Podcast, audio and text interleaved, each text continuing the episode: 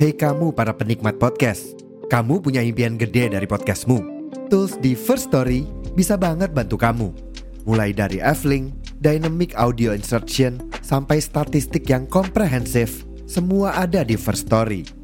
Gak ketinggalan, kamu bisa monetisasi podcastmu lewat iklan dari First Story Ads yang bisa kasih kamu penghasilan dari setiap place podcastmu. Yuk gabung sekarang dengan klik di firststory.me.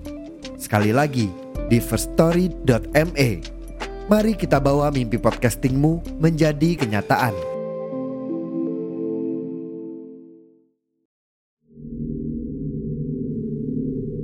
Halo, selamat datang di podcast Komik Indo.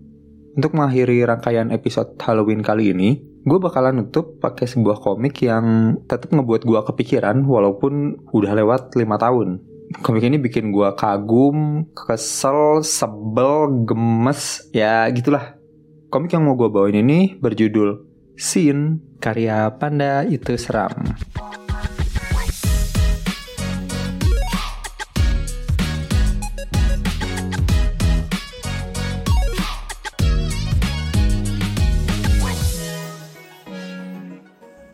Komik Sin pertama kali dipublish di Webtoon sebagai salah satu komik kanvas yang ngikutin Webtoon Challenge saat itu dan menggunakan tema horor. Komik ini berisi kumpulan cerita horor yang inspirasinya diambil dari kejadian, mitos, dan cerita yang ada di sekitar.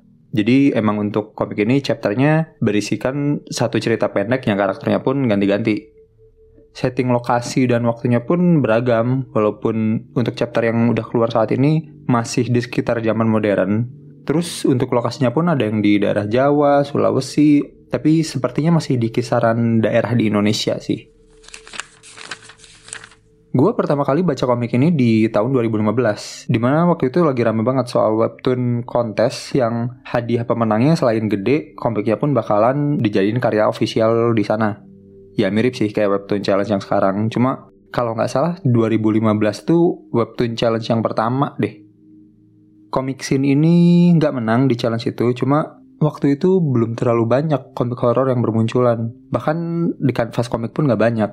Dan seingatku dulu pas kontes tuh belum ada pembagian genre kayak sekarang deh. Ya jadi komik ini tuh narik perhatian gue banget. Tapi ya tetap sih walaupun sekarang udah lumayan banyak komik horor ya komik scene ini vibe horornya menurut gue belum ada yang ngegantiin sih. Oke, okay, gue mau ngasih pendapat pribadi gue soal komik ini. Tapi lagi-lagi ya, gue selalu kesulitan ngebahas komik yang cerita pendek atau antologi gitu. Soalnya elemen-elemen kesukaan gue kayak karakter development gitu kemungkinan besar nggak ada. Ya di komik scene ini juga gitu. Tiap chapter ngebawain cerita dan karakter yang beda-beda. Cuma kalau buat cerita, mungkin yang bisa gue bilang adalah kayaknya komik ini ngebawa cerita atau pengalaman horor yang nyangkut kehidupan sehari-hari aja. Yang bahkan kadang nggak perlu ngasih asal-usul. Kayak keluarga pesugihan, berbuat mesum di desa orang, atau sekedar tempat angker pun enggak. Ya kegiatan yang dilakuin biasa aja. Cuma ya shit happen aja gitu. Dan menurut gue justru ini yang ngebikin ceritanya makin terasa realistis. Kadang cerita-cerita yang kita tahu dari temen ya segitu-gitu aja kan ya lagi di kosan atau lagi di jalan tiba-tiba lihat yang aneh-aneh gitu. Nggak tahu juga kenapa nampak di situ kan. Terus buat karakternya emang kayak yang tadi gue bilang sih nggak ada development background atau semacamnya lah. Tapi somehow gue ngerasa pembaca bisa relate sih. Karena karakter yang di komik itu bukan orang yang aneh-aneh. Orang yang bisa kita temuin di mana aja dan sejauh yang gue baca ya karakter di cerita ini selalu karakter yang terjebak di situasi tertentu gitu. Bukan karena dia orang yang sok-sok nantangin setan atau preman yang bikin salah di mana-mana, tapi ya orang biasa aja. Kayak ada di salah satu chapter ya, dia cuma orang biasa yang siangnya beraktivitas, malamnya istirahat, tapi dengan kegiatan dia yang kayak gitu aja, dia bisa kena sial, diganggu hantu gitu. Dan gua rasa ini yang ngebuat gua sebagai pembaca bisa relate dan was-was. Soalnya bisa aja kan apesnya nimpa ke gua gitu. Terus buat settingnya juga gue rasa proper sih. Maksudnya saat yang dia ceritakan adalah kegiatan orang biasa, dia nggak perlu nyebut dan ngegambarin setting atau waktu tempatnya secara spesifik. Tapi begitu yang dia ceritain tuh tentang mitos, dia ngegambarin juga lokasi atau kondisi tempat kejadiannya gitu. Terus juga ini mau nggak mau gue harus nyebutin sih. Menurutku salah satu power dari komik ini tuh gambar sama art stylenya sih. Sebenarnya gue bukan tipe orang yang terlalu bermasalah sama art style gambar sebuah komik sih. Ya asal komiknya bisa nyampein apa yang mau diceritain, gue masih bisa nikmatin. Walaupun kata sebagian orang gambarnya kurang bagus gitu misal. Cuma buat komik ini, gambarnya gue rasa punya andil yang cukup besar sih buat ngebawa suasana horornya. Eh, uh, gimana ya? Cukup sulit juga ya ngedeskripsiin gambar pakai kata-kata. Uh, tapi mungkin untuk ekstrimnya gua pas ngelihat gambar si makhluk di komik gua ngerasa diliatin balik. Iya gue pernah gitu ngeliat lukisan yang gede realis gitu terus uh, saking bagusnya tatapan potretnya gue bisa ngeliat fotonya kayak ngeliatin gue juga gitu. Lukisan yang gue lihat tuh bentuknya orang ya tapi kan yang di komik ini tuh bentuknya bukan manusia. Pas gue mau ngeliatin detail dari gambarnya tuh gue malah ngerasa nggak nyaman. Berasa kayak ah anjing bangsat lah. Jadi menurut penilaian gue pribadi komik ini tuh komik yang kualitasnya oke. Okay, cukup sayang kalau lu lewatin gitu aja. Hal yang paling gue suka dari komik ini tuh cara eksekusinya sih.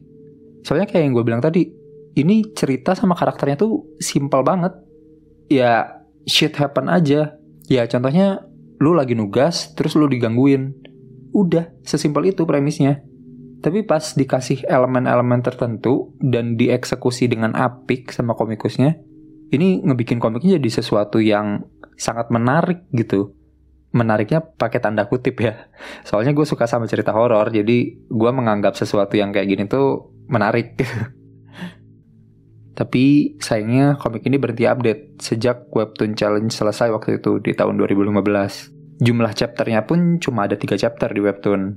Dan kalau lu lihat di kolom komentarnya banyak yang nanyain, jadi dilanjut atau enggak gitu. Soalnya di tahun 2016 autornya sempat bilang bakal ngelanjutin, tapi sampai sekarang masih belum ada kabar lagi. Jadi, gue udah coba ngontak autornya. I did it for you guys. Nggak deng, bohong. Cuma ternyata memang sang autor selama beberapa waktu belakangan karena satu dan lain hal masih belum bisa ngelanjutin komik scene lagi. Tapi dia bilang akan mempersiapkan lagi begitu keadaannya memungkinkan. Dan berita bagusnya adalah persiapannya tidak hanya dilakukan untuk satu media aja. Dia lagi persiapin juga scene ini untuk hadir di media lain dan dengan berbaik hati autornya menunjukkan ke gue salah satu sampel dari media lainnya itu. Dan akan gue bagikan juga ke lu apa yang autornya kasih ke gue. Bakalan gue taruh di sesi side notes nanti, jadi dengerin aja sampai terakhir. Dan kemungkinan akan ada sesuatu di tahun 2023, jadi kita tungguin aja bareng-bareng. Ya, gue secara pribadi sih sangat berterima kasih ya sama autornya. Ya, kita kan nggak tahu juga apa kesulitan sama hambatan yang dialamin sama autornya kan. Tapi beliau masih berusaha menuhin janjinya gitu yang sempat dia bilang sebelumnya. Walaupun udah bertahun-tahun ya, dan nggak tahu juga deh pembacanya masih beneran ada yang nungguin apa enggak. Tapi kalau lu udah pernah baca dan masih nungguin, bersiap-siap aja akan ada sesuatu di 2023. Ya, gue rasa ini cukup meyakinkan sih. Kita doain aja untuk kelancaran autornya dan beneran bisa ada update lagi nanti di tahun 2023. Oke, okay, untuk link-link terkait komik dan autornya bakalan gue taruh di deskripsi seperti biasa. Jangan lupa dukung terus perkomikan Indonesia, bukan hanya karena nasionalitas, tapi juga karena kualitas. Sampai jumpa di episode berikutnya. Dadah. Jangan lupa dengerin Side Notes habis ini ya.